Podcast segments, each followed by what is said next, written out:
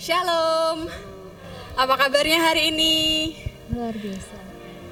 Luar biasa, puji Tuhan sekali kita bisa berkumpul kembali di gereja ini untuk kita bisa bersama-sama beribadah, memuji muliakan nama Tuhan Yesus serta mendengarkan firman Tuhan. Dalam kehidupan kita sehari-hari pasti kita akan belajar tentang kasih. Ada sebuah perumpamaan atau renungan. Ketika kita baca Alkitab dua jam sehari, Tuhan tidak tambah sayang. Ketika kita rajin ke gereja atau mungkin rajin pelayanan, Tuhan juga tidak tambah sayang. Kita menyembah Tuhan berjam-jam pun setiap hari, Tuhan juga tidak, tidak tambah sayang kepada kita. Kenapa Bapak Ibu Saudara? Karena Tuhan sudah sayang terlebih kepada kita terlebih dahulu tanpa melihat apa pun yang kita lakukan, tanpa melihat kondisi, baik kita rajin ke gereja atau baca Alkitab dan lain sebagainya, Tuhan tidak melihat itu semua. Bahkan ketika kita melakukan hal-hal tadi, itu artinya adalah kita yang semakin bertumbuh, kita yang semakin tambah sayang pada Tuhan Yesus, dan mau dibentuk segambar dan serupa Allah. Kalau terkadang kita melakukan dosa, kita yang berhenti mengasihinya, karena Tuhan tidak pernah berhenti mengasihi anak-anaknya. Bahkan ketika kita juga berdosa, Tuhan tetap mengasihi kita karena Tuhan Yesus sendiri adalah kasih. Sehingga kita sebagai anak-anaknya, anak-anak Tuhan yang percaya, yang yakin, yang beriman pada Tuhan, harus hidup di dalam kasih, terus belajar, terus mau dibentuk. Memaafkan dengan kasih, memberi dengan kasih, dan berbicara dengan kasih. Saya undang jemaat bisa berdiri bersama-sama. Kita mau datang ke dalam hadiratnya, menyembah Tuhan dengan sepenuh hati kita, dan kita angkat pujian, Yesus Tuhan dan Allah kami.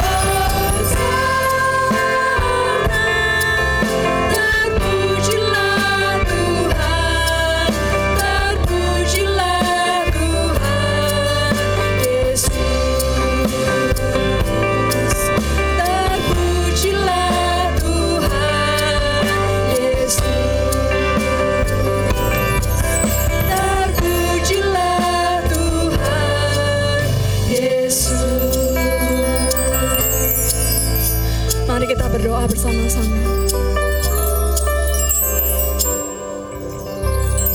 Benar Tuhan, Yesus Tuhan, Engkau adalah Allah kami. Engkau yang kami puji, kami sembah nama di atas segala nama. Bapak yang selalu pegang kendali atas hidup kami. Kami terus percaya, terus beriman, terus berpegang teguh, dan terus mau dibentuk serupa dan segambar dengan Tuhan. Terima kasih Tuhan Yesus untuk berkatmu hari ini, terkhusus untuk kesehatan di tengah pandemi uh, di bumi ini, di dunia ini Tuhan, tapi Engkau masih memberi kami kesehatan yang sempurna, sehingga kami bisa datang, melangkahkan kaki kami untuk datang ke gereja yang haus, yang rindu akan firman-Mu, akan hadirat-Mu. Terima kasih Tuhan Yesus, terima kasih. Biar Engkau yang terus menjamah hati kami, sucikan dan kuduskan hati kami untuk datang menyembah Engkau. Ini ibadah kami Tuhan, kami naikkan dalam tangan kuat kuasamu. Ini dalam nama Tuhan Yesus kami sudah berdoa dan mengucapkan syukur selalu. Haleluya. Amin. Dipersilahkan duduk kembali. Hari ini adalah hari minggu, kedua di bulan September dengan tema yang masih sama, talenta dan karunia untuk membangun tubuh Kristus. Diambil dari Roma 12 ayat 6 yang berbunyi, Demikianlah kita mempunyai karunia yang berlain-lainan menurut kasih karunia yang dianugerahkan kepada kita. Jika karunia itu adalah untuk bernubuat, baiklah kita melakukannya sesuai dengan iman kita. Mari dengan setiap karunia dan talenta yang sudah Tuhan berikan, kita menyatakan bahwa kita adalah anak-anak Allah, jangan pernah malu, jangan pernah minder, tapi tunjukkan bahwa kita adalah orang-orang percaya. Amin Bapak Ibu Saudara semuanya. Ada sukacita malam hari ini. Amin, haleluya. Saya undang jemaat bisa berdiri sama-sama kembali. Kita akan muji Tuhan, kita akan bersorak bagi Tuhan. Kita nyatakan bahwa setiap perbuatannya adalah ajaib. Ajaib kau Tuhan.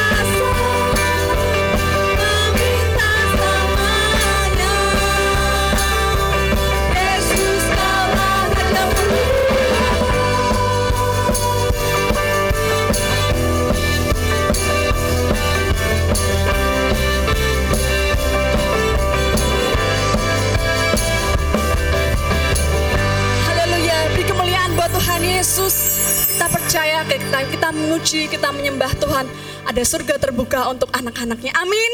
Amin. Kita angkat pujian bersama-sama dengan penuh sukacita. Terpujilah namamu Tuhan.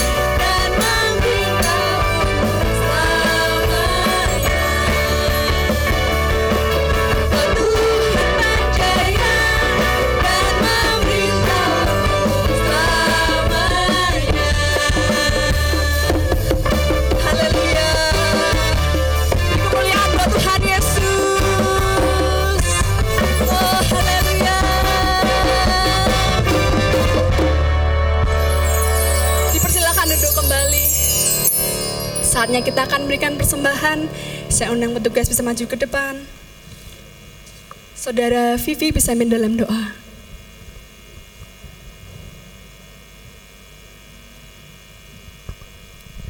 Mari kita berdoa.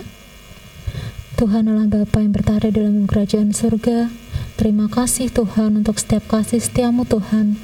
Kami mengucap syukur Tuhan untuk kebaikanmu Tuhan dalam hidup kami sampai detik ini Tuhan. Terima kasih Tuhan kami boleh ada di tempat ini Tuhan. Membawa hati dan persembahan kami Tuhan. Untuk uh, kelayakan namamu Tuhan. Kami boleh memuji dan meliakan Engkau Tuhan lewat ibadah kami Tuhan di hari ini Tuhan. Tuhan sebentar kami akan memberikan persembahan Tuhan. Kami ingin Tuhan berikan yang terbaik Tuhan dari apa yang ada dalam hidup kami Tuhan. Biarlah apa yang kami berikan berikan Tuhan boleh menjadi kemuliaan Tuhan bagi kemuliaan namamu Tuhan. Dan biarlah apa yang kami berikan Tuhan boleh menyenangkan hatimu ya Bapa. Terima kasih Tuhan kami serahkan waktu ini dalam tangan kuasamu Tuhan dari awal sampai akhir. Karena Tuhan yang campur tangan dalam ibadah kami Tuhan. Terima kasih Bapa kami serahkan hidup dan ibadah kami Tuhan dalam tangan kuasamu. Terima kasih Bapa, terima kasih di dalam namamu Tuhan Yesus Kristus kami berdoa. Amin. Mari bersama angkat pujian, soraklah haleluya.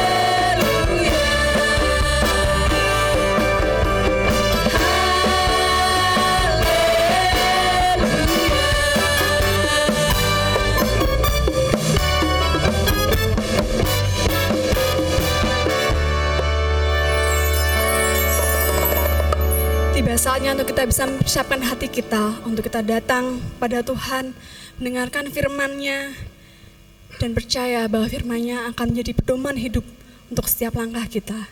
Saya undang jemaat bisa berdiri. Mari kita angkat pujian. Ku hidup bagimu.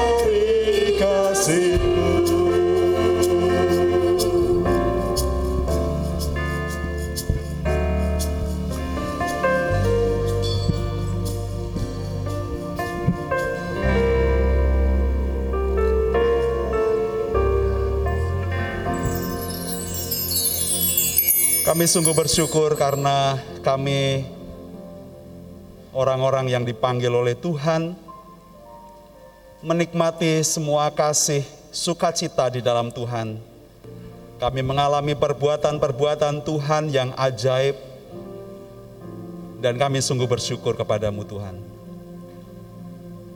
Kami dipersatukan dalam rohmu, dalam persekutuan bersama di gereja ini, dan kami bisa saling membangun. Ajarlah kami mengerti untuk setiap firman yang kami pelajari. Berfirmanlah kepada kami roh kudus, kami semua hamba-hambamu siap untuk mendengar dan menjadi pelaku firman. Agar kehendak dan rencanamu digenapi di dalam dan melalui hidup kami. Di dalam nama Tuhan Yesus Kristus kami berdoa. Amin. Duduk kembali, saudara-saudara.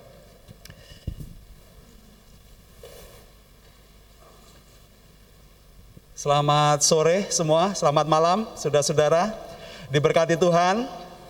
Nah, puji Tuhan. Saya ingin menyambut beberapa, ada dua saudara kita yang pasti baru pertama hadir di gereja ini. Saya minta untuk berdiri. Yang pertama Ibu Parti. Silakan berdiri Bu ya. Terima kasih kehadirannya di kebaktian di Gereja Baptis Indonesia Candi. Boleh duduk kembali uh, Ibu Parti uh, asal gereja dari GKJ Kerapia. Ya, terima kasih untuk kehadirannya. Lalu yang kedua ada saudara Ivan If, uh, saya singkat aja, Ivan Felix ya. Silahkan berdiri Ivan Felix. Oh ya, selamat datang Ivan. Ya, terima kasih boleh uh, bergabung kembali jika ada kesempatan ada di gereja di sekitar kita uh, asal gereja dari GKI Indramayu ya. Betul ya Ivan ya? Baik, selamat datang dalam baktian kita.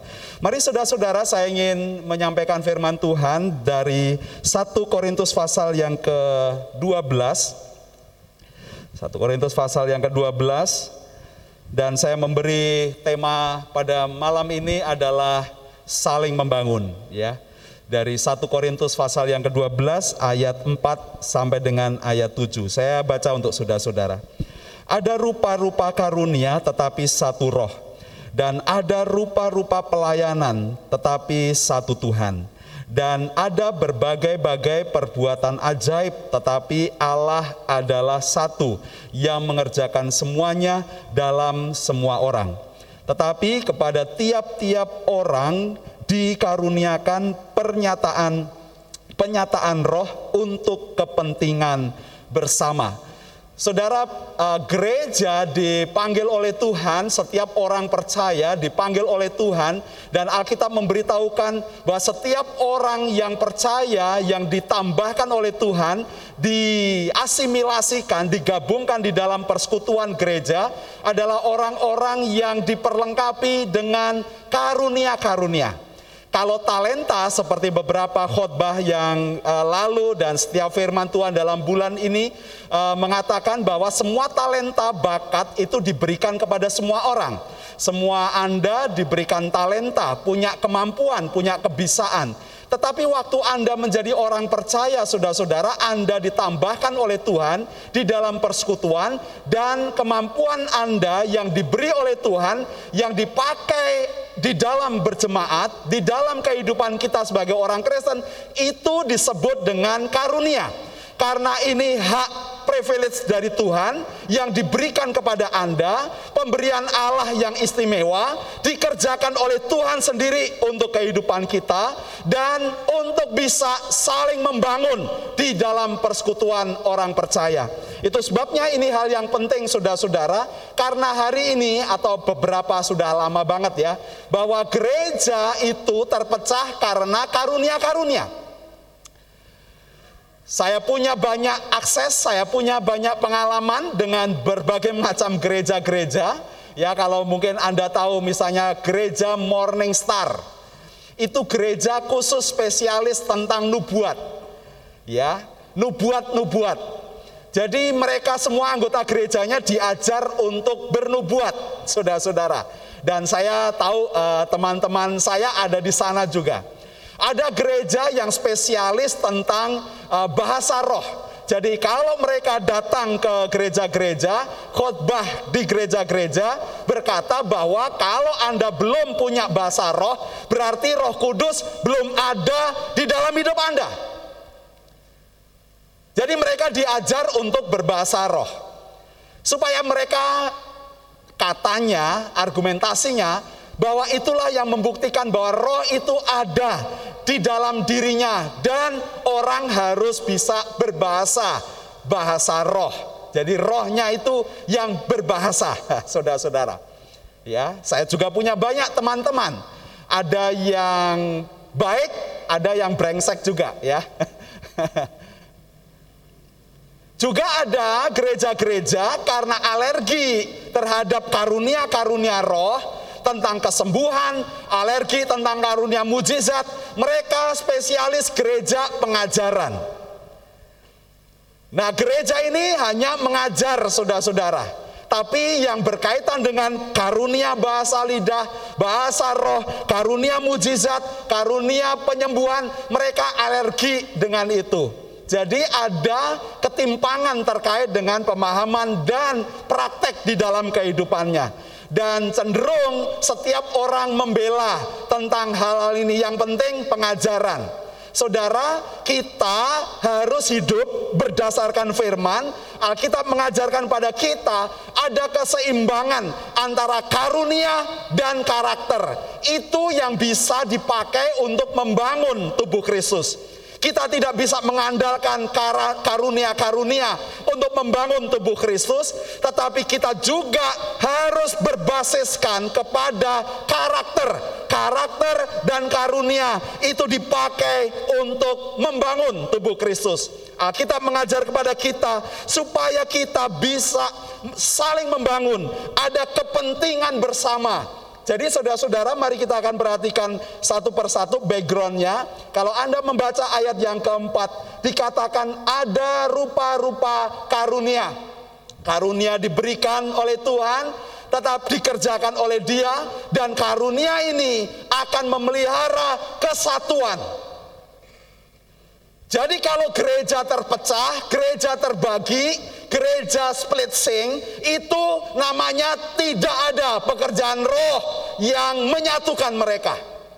Jadi kita perlu berhati-hati saudara-saudara dan kita perlu waspada berbagai macam uh, ajaran, berbagai macam praktek di dalam kehidupan kita dalam bergereja sehingga gereja tidak mencapai hasil yang optimal, maksimal, fungsinya tidak berjalan dengan baik karena kita timpang untuk menjalankan kehidupan sebagai orang-orang percaya. Lalu yang ayat yang kelima dikatakan bahwa ada rupa-rupa pelayanan tetapi satu Tuhan. Dalam beberapa ayat di atasnya saudara-saudara tidak mungkin roh kudus berkata bahwa terkutuklah Yesus. Tidak mungkin waktu orang berkhotbah Anda diajar supaya uh, mempercayai bahwa Yesus bukan Tuhan, saudara-saudara. Dan tidak mungkin juga bahwa Anda diajar supaya Anda dalam kehidupan sebagai orang Kristen terpecah seorang terhadap yang lain. Tidak mungkin. Saudara kita harus memiliki uh, spirit bahwa kita harus saling membangun dalam ibadah, dalam kegiatan kita, dalam perilaku kita, perkataan kita, pikiran kita, apakah kita mengerjakan itu sebagai satu Tuhan yang kita miliki, yang kita sembah. Ayat yang ke-6 mengatakan pada kita bahwa perbuatan-perbuatan ajaib itu juga dikerjakan oleh Allah yang sama, yang berlaku untuk satu orang, tetapi juga berlaku untuk semuanya. Saudara, ini hal yang penting. Jadi, tidak mungkin kalau Tuhan berkata, sementara uh, Tuhan dalam kelompok yang bertentangan berkata yang lain. Ya, di uh, tadi pagi kita uh, diberitahu pendeta Rimon menolong untuk pelayanan sebuah gereja yang terpecah dan kelompoknya saling mengutuk ya dengan bernubuat merasa ini nubuat dari Tuhan tapi nubuatnya kalau untuk kelompoknya itu baik tetapi kalau untuk kelompok oposisinya itu selalu jelek Dan kelompok yang demikian yang di sana juga berkata bahwa kalau untuk kelompoknya baik, tetapi untuk kelompok yang lain adalah jelek, adalah jahat. Saudara-saudara kita ada dalam uh, kondisi di mana orang tidak meyakini, tidak beriman bahwa kita ada dalam kehidupan komunitas yang harus saling membangun. Jangan pikir bahwa Anda secara individu, secara pribadi, waktu Anda menyembah Tuhan, waktu Anda berdoa, waktu kita bersekutu, kita melakukan praktek-praktek pelayanan kita, Anda tidak mempengaruhi orang lain. Meskipun Anda tidak kenal siapa-siapa di tempat ini, tidak kenal dengan orang Kristen lain, tetapi kalau kita melakukan sesuatu, saudara-saudara, pasti ada orang yang follow Anda karena apa? Kalau misalnya Anda pasif, kalau Anda tidak mengerjakan uh, uh, aktivitas kita, pelayanan kita dengan baik, mesti ada orang yang mencontoh, saudara-saudara. Ya, uh, itu aja tidak melakukan kok. Kenapa saya harus? Itu aja pendeta aja begini kok. Kenapa saya harus? Saudara-saudara, orang uh, ada dalam sikon seperti ini. Itu sebabnya uh, bagian yang pertama yang perlu kita uh, perhatikan saudara-saudara bahwa kalau kita mau saling membangun, saudara-saudara, kita harus mengerjakan menerima karunia dan membangun karakter kita dengan iman. Kerjakan dengan iman, dengan percaya, dengan beriman. Saudara ini hal yang penting ayat yang ketujuh dikatakan pada kita tetapi kepada tiap-tiap orang diberi dikaruniakan pernyataan roh untuk kepentingan bersama. Kenapa saya berdoa dalam keluarga? Karena saya tentu ingin mengasihi Tuhan. Itu adalah komunitas yang terkecil uh, setiap orang akuntabilitasnya jelas, kelihatan anggota keluarganya dan mereka saling mengikut ya, saling mempengaruhi dalam kehidupannya. Jadi kalau misalnya ayah itu berdoa, paling tidak istri dan anaknya juga akan follow, saudara-saudara. Di gereja pun demikian kalau kita mau saling membangun saudara-saudara, Anda harus memberi diri Anda berkorban, punya spirit, punya semangat, tidak menilai, tidak mengkritik, Anda mengambil keuntungan bagi diri sendiri karena kita ingin mencapai sesuatu. Dan itu kita tidak pakai untuk kepentingan bersama. Saudara banyak orang-orang Kristen hanya ingin mengambil keuntungan dari dalamnya sendiri, dalam setiap aktivitasnya. Mereka hanya ingin mendapatkan sesuatu.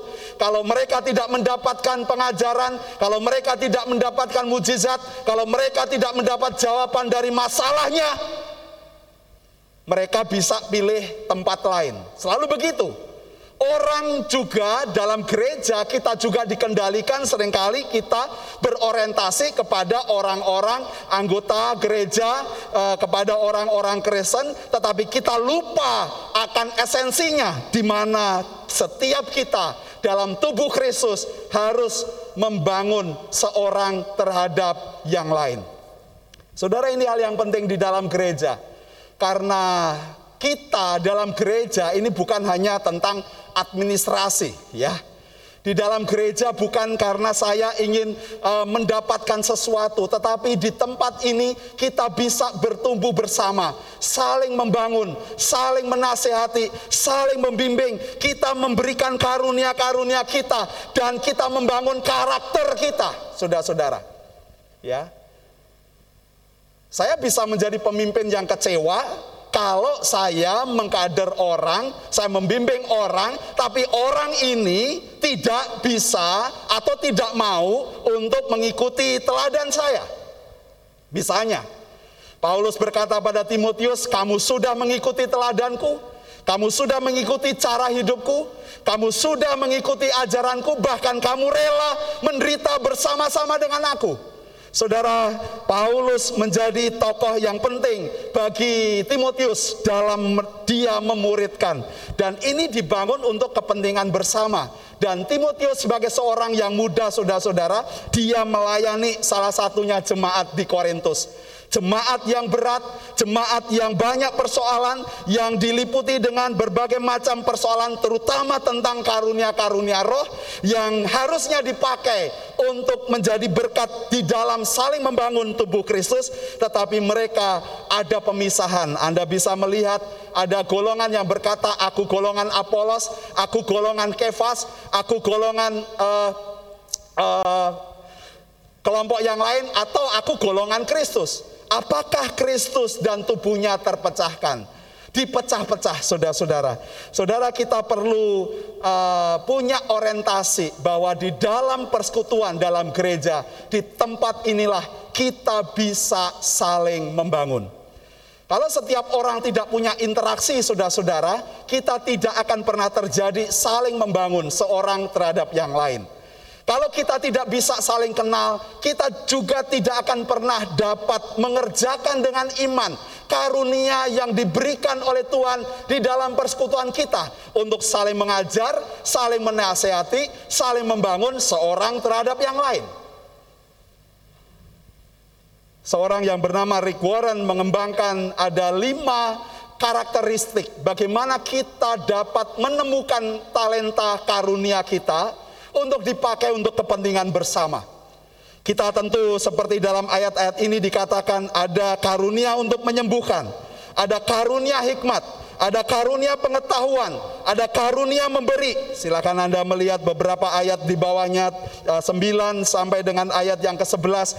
Karunia-karunia diberikan kepada Tuhan kepada mereka oleh Tuhan untuk dipakai untuk kepentingan bersama.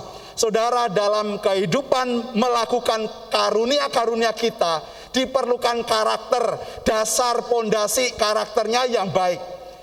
Kalau orang punya karunia, mereka tidak akan pernah berkata kepada orang yang tidak atau yang sedikit uh, kontribusinya atau uh, lemah di dalam kehidupannya berkata aku tidak butuh engkau. Itu bicara tentang karakter, ya. Atau juga mengatakan bahwa engkau karena engkau kecil, engkau lemah, engkau rendah, engkau tidak berguna. Juga tidak, itu bicara tentang karakter. Jadi kalau di dalam kehidupan kita juga seperti disampaikan oleh uh, kitab Korintus ini, kalau ada anggota yang lemah, yang kecil, yang uh, menderita, yang kesulitan, malah di tempat itu dia butuh diperhatikan.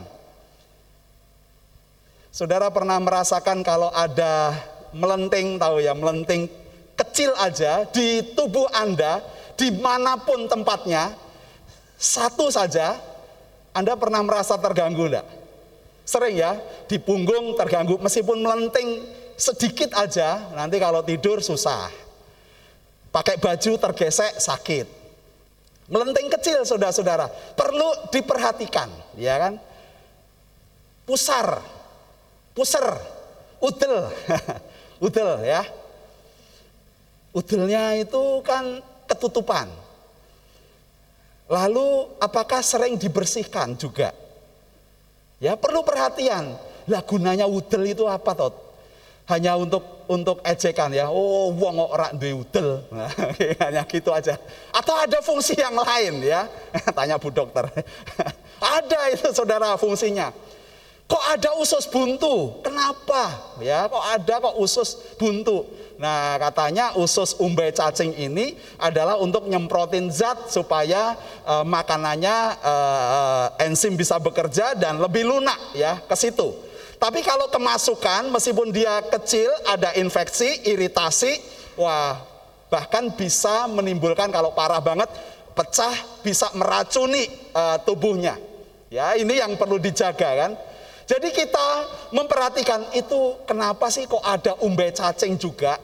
Gunanya apa? Kadang kan kita tidak perhatian, saudara-saudara anggota tubuh dalam kehidupan kita seperti tubuh kita hal-hal yang sepele yang sederhana itu perlu malah perlu perhatian bukankah itu bicara tentang karakter Saudara itu sebabnya karunia dan karakter itu bekerja bersama-sama. Karunia akan dapat berjalan bekerja dengan baik kalau karakter pondasinya itu baik.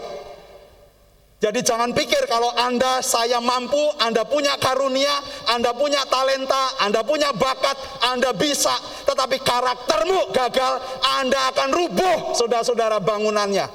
Saudara ini yang bisa membuat kita bertahan. Orang punya karunia akan bisa melenting dengan cepat, dengan uh, melejit dengan cepat, tetapi orang yang bisa memelihara karakternya akan bertahan di puncaknya. Saudara, bukankah ini hal yang penting bagi kita? Itu sebabnya requirement saudara, kalau Anda baca tentang save, ini akan menolong kita supaya kita bisa mengembangkan karunia-karunia kita. Kalau berdoa untuk orang sakit, jangan selalu misalnya uh, minta pendeta. Anda kalau dengar temanmu sakit, Anda berdoa dengan iman supaya orang yang didoakan yang sedang sakit mengalami kesembuhan. Anda bisa, Anda mampu. Tuhan memberi kesempatan yang sama. Berdoa dengan iman. Saudara-saudara kita juga diberikan hikmat waktu kita menerima mungkin ada orang curhat, ada orang cerita, Anda juga minta pada Tuhan diberi telinga yang selektif dengan filter yang baik, dengan teologi yang baik, sehingga seperti Alkitab mengajarkan, supaya kita bisa mengucapkan perkataan-perkataan yang isinya firman Tuhan, saudara-saudara. Jadi jangan pikir kalau Anda mendengarkan curhat itu adalah kebenaran.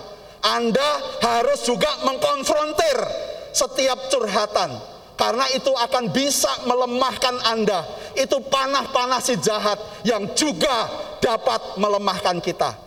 Anda harus membangun karakter kita dan ini diperlukan. Kita diberikan kemampuan untuk itu saudara-saudara, ability. Tuhan memberikan kepada kita kemampuan, karakteristik yang baik, hati yang baik sehingga ini dapat bekerja dengan baik, karunia ini dapat bekerja dengan baik karena kita punya pondasi karakter juga yang baik. Yang keempat adalah personality, ya karakter. Nah, ini yang tadi saya sampaikan bahwa uh, hal yang penting dalam kehidupan kita bersama, mungkin Anda punya karunia untuk mengajar, Anda punya karunia untuk mengusir setan, membedakan roh, saudara-saudara. Ya. Misalnya anak saya ya dia bilang ya itu tukang beca itu. Itu bawa tuyul ya. dia bawa tuyul. Oh oke. Okay. Oh begini ya Jo. Oh iya iya begitu. Siang-siang katanya setan itu kan munculnya malam-malam siang juga ada saudara-saudara. Orang diberikan kepekaan, dilatih supaya bisa membedakan roh, saudara. Ini hal yang penting bagi kita supaya kita bisa dibimbing, kita punya karakter supaya karakternya benar. Coba bayangkan kalau orang diberi karunia seperti anak saya, ya, setiap Anda ditakut-takutin, supaya Anda bebas beri saya uang, karakternya bobrok bukan? Ya. Dan itu banyak saudara. Oh saya bisa, nubuat-nubuat saya dijual, saudara-saudara. Kalau persembahan Anda 10 juta, saya bisa beri nubuat yang lain. Saya pernah ada dalam pertemuan seorang pengkhotbah yang besar KKR eh, di tempat itu dan pemimpin-pemimpin kita dijamu di meja makan kumpul sama orang-orang hebat yang ada di TV-TV itu. Saya bilang oh, ini orang-orang yang di TV. Ya karena saya mewakili denominasi jadi saya diberi tol akses dan wah dilayani kayak raja saudara-saudara. Tapi saya tahu bahwa uh, uh, ada teman, uh, ini teman juga orang terkenal di Indonesia, dia seorang insinyur uh, yang luar biasa dan dia uh, berkata bahwa oh ini kalau aku di kalau nyumbangnya 10 juta di meja ini, kalau 100 juta di meja sana, kalau sekian juta ada di sana. kalau tamu undangan ada di bagiannya. Oh, saudara-saudara, ada yang demikian. Bukankah ini hal yang uh, personality, sifat, karakternya sudah dikuasai oleh keuntungan keuntungan pribadi. Dan hati-hati dalam kehidupan kita pun bisa demikian. Ya aneh kan kalau guru-guru harusnya guru-guru kan mengajar anak-anaknya kan dengan baik. Di sekolah anak saya itu kalau gurunya kelas tidak boleh memberi les kepada murid di kelasnya. tidak boleh, Saudara.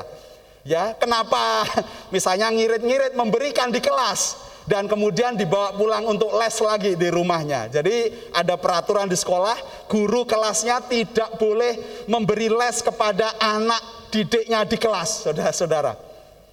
Saudara, bukankah ini hal yang penting bagi karakter dan sifat supaya kita bisa mengerjakan karunia kita dengan baik? Kita juga minta kepada Tuhan, kita setiap kita punya pengalaman-pengalaman rohani. Setiap pengalaman rohani Anda dengan saya berbeda. Pengalaman rohani antar Anda berbeda. Setiap Anda diberikan pengalaman yang spesifik oleh Tuhan.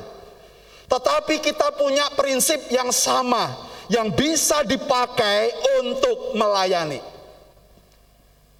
Jadi Anda tidak bisa meniru proses jalan hidup saya, saudara-saudara tetapi Anda dan saya diberi tahu oleh firman Tuhan prinsip yang baik, prinsip yang tepat supaya kita bisa meneladani setiap orang berdasarkan firman Tuhan.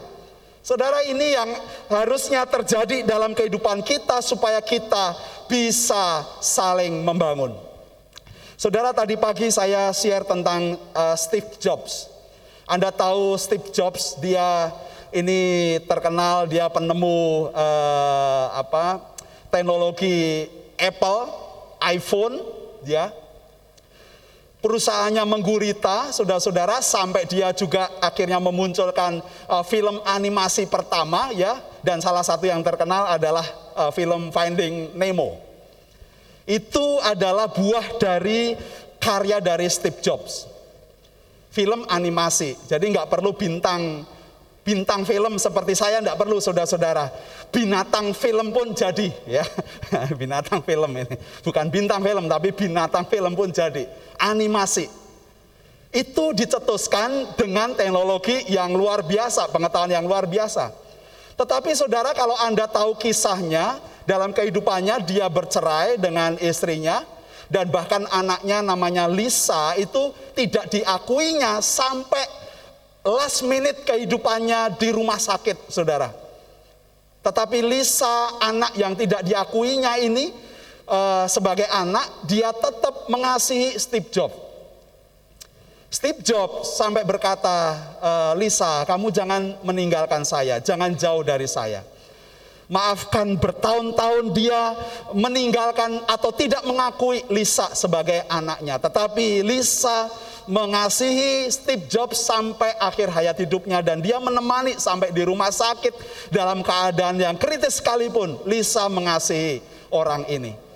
Steve Jobs, saudara-saudara, dalam uh, perjalanan karirnya dia uh, uh, dalam satu momen dia berdiri di depan cermin dan dia uh, berkata dalam bahasa Inggris saya menerjemahkan dengan bahasa bebas, jika hari ini adalah hariku terakhir, apa yang terbaik yang seharusnya aku lakukan.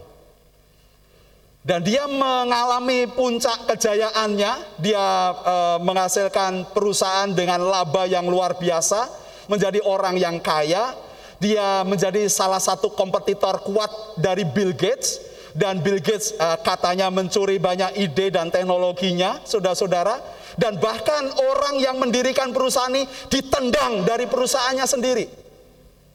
Steve Jobs sampai tidak punya job lagi. Dia nggak punya pekerjaan, saudara. Ya, jobless. Steve Jobs jobless. Dan kemudian kawannya yang berkhianat ini kemudian karena perusahaannya turun, ya, dan laba mulai menipis dan tidak bisa ekspansi lagi, dia mencoba merekrut merayu Steve Jobs lagi dan memberikan tempat di perusahaan yang pernah dia besarkan, yang pernah dia dirikan. Dan dia mulai dengan ide, dengan visi, karena dia selalu punya perkataan yang seperti ini. Jika hari ini adalah hari terakhir, apa yang terbaik yang harus saya lakukan? Saudara-saudara itu perenungan kita. Talenta, karunia Anda, pekerjaan Anda bisa dipakai untuk pelayanan di gereja ini, saudara-saudara. Ya, Pak saya bisa akuntansi, tolongin tuh, tolongin tuh laporan-laporan keuangan, ada yayasan, kita ada PPA, wah bisa, ada kan? Oh saya bisa ini Pak, bisa mengajar, ya kita punya kelas pengajaran, ya kita bisa pendidikan pelatihan, ajarin. Oh kita punya pelatihan-pelatihan kelas pelatihan musik, kita punya kelas-kelas pelatihan pelatihan uh, berkhotbah, Saudara-saudara, tempat-tempat di situ, kalau Anda berkata bahwa hari ini adalah hari terakhir, apa yang terbaik yang bisa saya lakukan? Kalau Anda adalah ayah, apakah saudara berkata seperti Steve Jobs ini?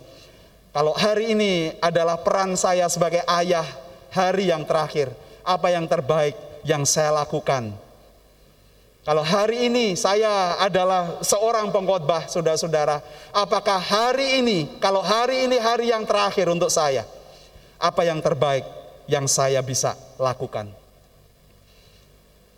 Anak-anak juga, kalau hari ini hari yang terakhir untuk Anda, apa yang terbaik yang bisa Anda lakukan. Saudara-saudara, itu akan menolong kita supaya kita bisa saling membangun. Jadi kita menghargai hari-hari kita menghargai kebersamaan kita saudara-saudara. Mengasihi itu hal yang penting ya. Respect itu hal yang penting dalam kehidupan kita. Alkitab mengajarkan pada kita ayat yang ke-6 dan ada berbagai-bagai perbuatan ajaib tetapi Allah adalah satu yang mengerjakan semua semuanya dalam semua orang tetapi kepada tiap-tiap orang dikaruniakan penyataan roh untuk kepentingan bersama. Gereja ini perlu Anda, setiap persekutuan kita perlu Anda, tidak ada yang pupuk bawang di tempat ini, saudara-saudara, semua orang berguna, semua orang bisa melayani, dan bagaimana gereja menyediakan tempat untuk kita bisa melayani. Saudara, gereja kita punya visi menjadi gereja yang misioner tetapi juga menjadi gereja yang diakoner. Nah, apakah kita anggota gerejanya ini juga sudah mengarah ke sana? Kalau hari ini adalah hari yang terakhir untuk kita, apa yang terbaik yang bisa Anda kerjakan bagi pelayanan hidup Anda dan saya? Amin. Mari kita berdoa.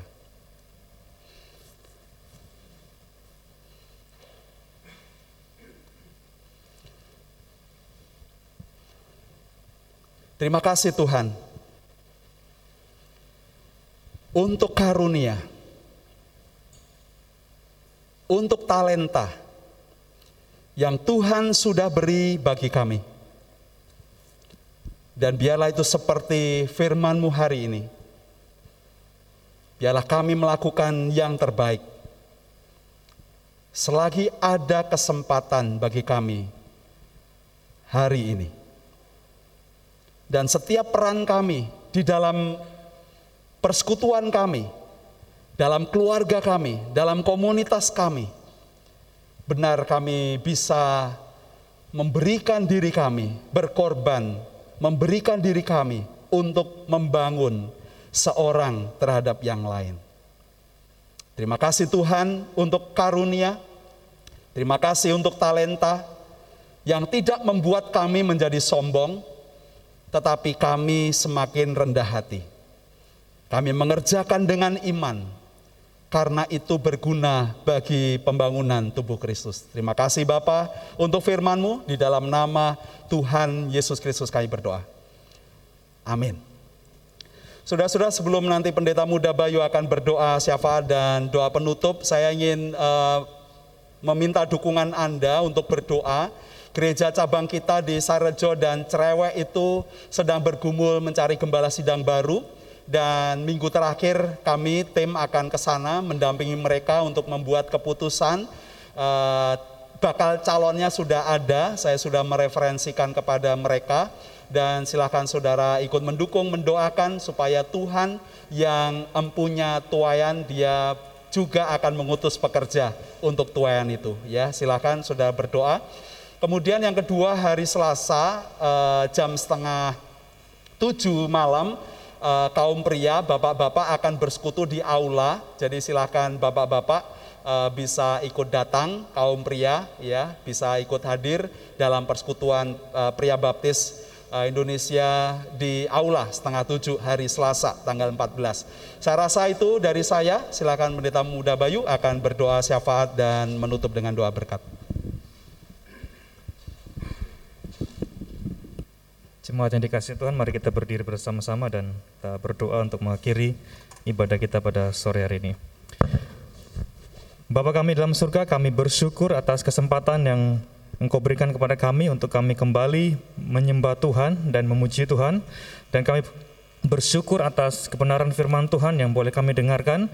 Biarlah hidup kami akan senantiasa kami abdikan dan kami persembahkan untuk hormat dan kemuliaan nama Tuhan dan karakter kami akan semakin dibentuk untuk menjadi pribadi-pribadi yang berkenan di hadapan Tuhan. Terima kasih Tuhan atas setiap pelayan-pelayan Tuhan yang melayani Engkau di sore hari ini, Tuhan memberkati hidup mereka, dan Tuhan akan memberkati apa segala sesuatu yang mereka kerjakan dalam hidup mereka, biar nama Tuhan dimuliakan di hidup, mereka. Terima kasih Bapak, kami juga terus berdoa untuk gereja kami, untuk jemaat kami, Tuhan akan menolong untuk uh, saudara-saudara kami yang saat ini masih terbaring lemah karena sakit, kami berdoa untuk Bapak Sutimin dan Ibu Sulatmi Koniman, Tuhan akan menjamah dan memberkati kedua saudara kami, dan juga untuk jemaat kami yang lain yang mungkin masih dalam uh, pemulihan, Tuhan akan menolong supaya mereka pun dapat merasakan uh, jamahan Tuhan dan kembali pulih dari sakit penyakit mereka. Terima kasih Bapak, kami juga berdoa untuk kaum muda kami, Tuhan akan memberkati hidup mereka dan juga masa depan mereka, biarlah Tuhan akan menyiapkan dan menolong untuk setiap langkah hidup mereka, untuk pasangan hidup, pekerjaan, dan juga segala segala cita-cita mereka, Tuhan akan memberkati. Secara khusus bagi gereja kami akan mengadakan uh, retreat pandemi pada bulan Oktober tanggal 19 sampai 20 Tuhan akan menolong supaya program yang akan dikerjakan oleh kaum muda kami dan gereja kami ini dapat menghasilkan generasi-generasi yang takut akan Tuhan, berkarakter dan juga dapat membangun diri mereka secara uh, organisasi dan juga dapat menjadi pribadi yang berkenan di hadapan Tuhan. Tuhan akan mencukupkan setiap keperluan dan dana yang diperlukan dan juga kami berdoa untuk situasi dan kondisi supaya Tuhan akan mengaruniakan yang terbaik bagi kaum muda kami. Terima kasih Bapak, kami juga terus berdoa untuk rencana pencarian gembala sidang kami di cabang Cerewet dan Sarirejo, Tuhan akan menolong untuk gembala sidang kami yang akan berbicara kepada gereja di sana. Tuhan akan memberkati supaya pertemuan pada minggu yang terakhir akan dapat menghasilkan keputusan-keputusan yang baik dan berkenan hadapan Tuhan, sehingga cabang-cabang kami ada gembala sidang yang melayani dan mereka semua dapat mendapatkan makanan rohani dari gembala yang sudah engkau tempatkan di tengah-tengah kehidupan mereka. Terima kasih Bapak, kami juga terus berdoa untuk negara kami. Kami bersyukur di tengah-tengah uh, situasi pandemi ini Tuhan terus memberkati para pemimpin kami sehingga mereka diberikan hikmat dan juga ide-ide yang baru untuk terus menjalankan roda pemerintahan dengan baik dan kami bersyukur atas para uh, pemimpin-pemimpin kami. Biarlah Tuhan terus memberkati hidup mereka di tengah-tengah situasi pandemik ini Tuhan akan memberikan hikmat supaya keputusan dan juga kebijaksanaan yang mereka ambil dapat berdampak baik kepada seluruh masyarakat yang ada di negara kami. Kami terus berdoa untuk proses vaksinasi yang terus berjalan sampai saat ini.